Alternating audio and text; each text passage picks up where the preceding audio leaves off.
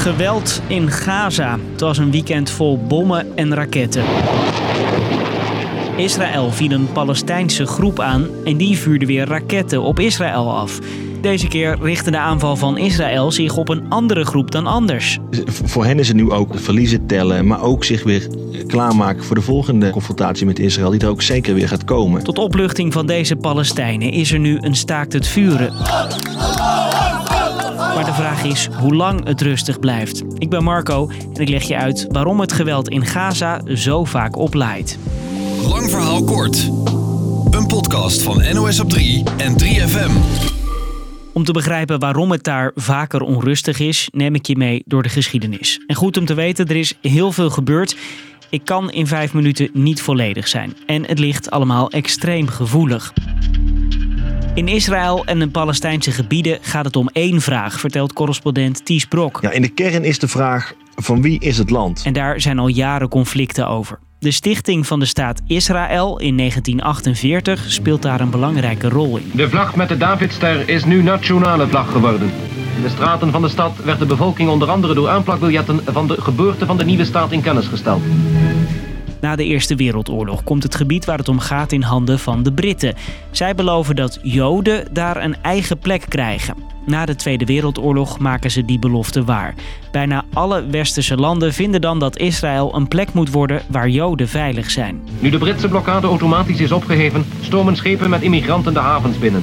Na jaren van kant tot kant te hebben gezworven, betreden deze Joden hun nieuwe vaderland voor Palestijnen is dit moment een zwarte bladzijde. Zij wonen dan al op die plek in het Britse mandaat Palestina. Honderdduizenden Palestijnen worden verdreven na de stichting van Israël.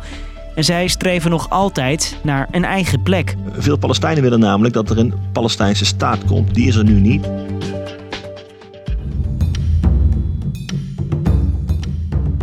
Een Palestijnse staat is er niet. Maar hoe ziet hun plek er nu uit? Veel Palestijnen wonen in de Palestijnse gebieden, zoals de door Israël bezette westelijke Jordaanoever, rechts van Jeruzalem, deels onder Palestijns bewind. In de Gazastrook aan de kust, daar hebben de Palestijnen meer macht. Daar is het Israëlische leger ook vertrokken en maakt Hamas de dienst uit. Hamas is dan een van de partijen die opkomt voor de Palestijnse belangen. Een partij die door het Westen en door Israël wordt gezien als een terroristische organisatie. Een militante beweging dus. Hamas voert al jaren strijd met Israël en vice versa. En het is geen gelijke strijd. Israël heeft een modern geavanceerd leger, gesteund door de Verenigde Staten. Uh, en Hamas is een, uh, ja, is een, een soort uh, terreurbeweging die het vooral moet hebben van een raketarsenaal van aanslagen die gepleegd worden. en op die manier Israël pijn probeert te doen. Ondertussen proberen de Palestijnen hun gewone leven te leven. Maar dat is zwaar in de Gazastrook, die door Israël ommuurd is. Velen omschrijven het als een soort openluchtgevangenis. En dat is omdat je daar eigenlijk niet zomaar naar buiten kan. De grenzen worden gecontroleerd door Israël en door Egypte. Uh, ja, dat zorgt voor een hoge werkloosheid en ook dat er veel voorzieningen niet of onvoldoende zijn. Bijvoorbeeld stroom is er niet de hele dag voor iedereen, niet genoeg uh, water.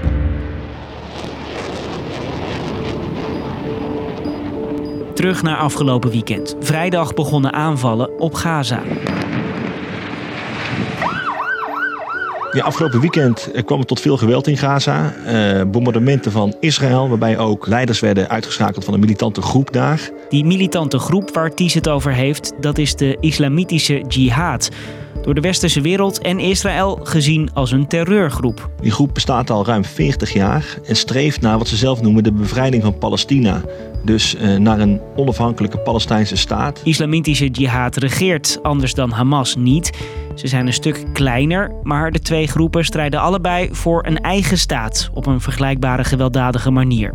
Israël pakte vorige week al een kopstuk van die islamitische jihad op en richtte dit weekend dus de aanval op hen. Wat Israël zegt is dat ze uh, zich genoodzaakt voelden islamitische jihad aan te vallen op vrijdag. Omdat ze rekening hielden, vreesden voor een aanval van die uh, organisatie. Dus toen begon Israël met een uh, bombardement, waarbij meteen ook al een, uh, een hoge leider van de islamitische jihad werd uitgeschakeld. En de dagen daarna bleef het onrustig. Raketten vlogen heen en weer tussen Israël en de Gazastrook. 44 mensen zijn aan de Palestijnse kant omgekomen, 300 zijn er gewond. Bij de Israëliërs vielen 20 gewonden. Zondagavond kwamen beide partijen tot een staakt het vuren en daarmee is de rust weer terug. Maar volgens Ties is voor de mensen daar altijd weer de vraag voor hoe lang. Het is iets wat hier nou eenmaal eens in de zoveel jaar gebeurt. Of soms zelfs elk jaar gebeurt. Het is ontzettend onvoorspelbaar wat Israël doet. Wat Palestijnse groepen in Gaza doen. En dus ja, is het ook voor hun helaas wachten tot het eh, weer een volgende keer gaat escaleren. Dus, lang verhaal kort, Hamas is de grootste partij voor de Palestijnen in Gaza. Maar Israël richtte dit weekend zijn aanvallen op de islamitische jihad. Aan Palestijnse kant vielen tientallen doden en honderden gewonden. Het is afwachten tot het volgende gewelddadige moment. En dat was de podcast weer voor nu. Heb je nou zelf vragen bij het nieuws? Mail ze ons op lvk.nos.nl. Dan zoeken wij het voor je uit. Dank voor het luisteren.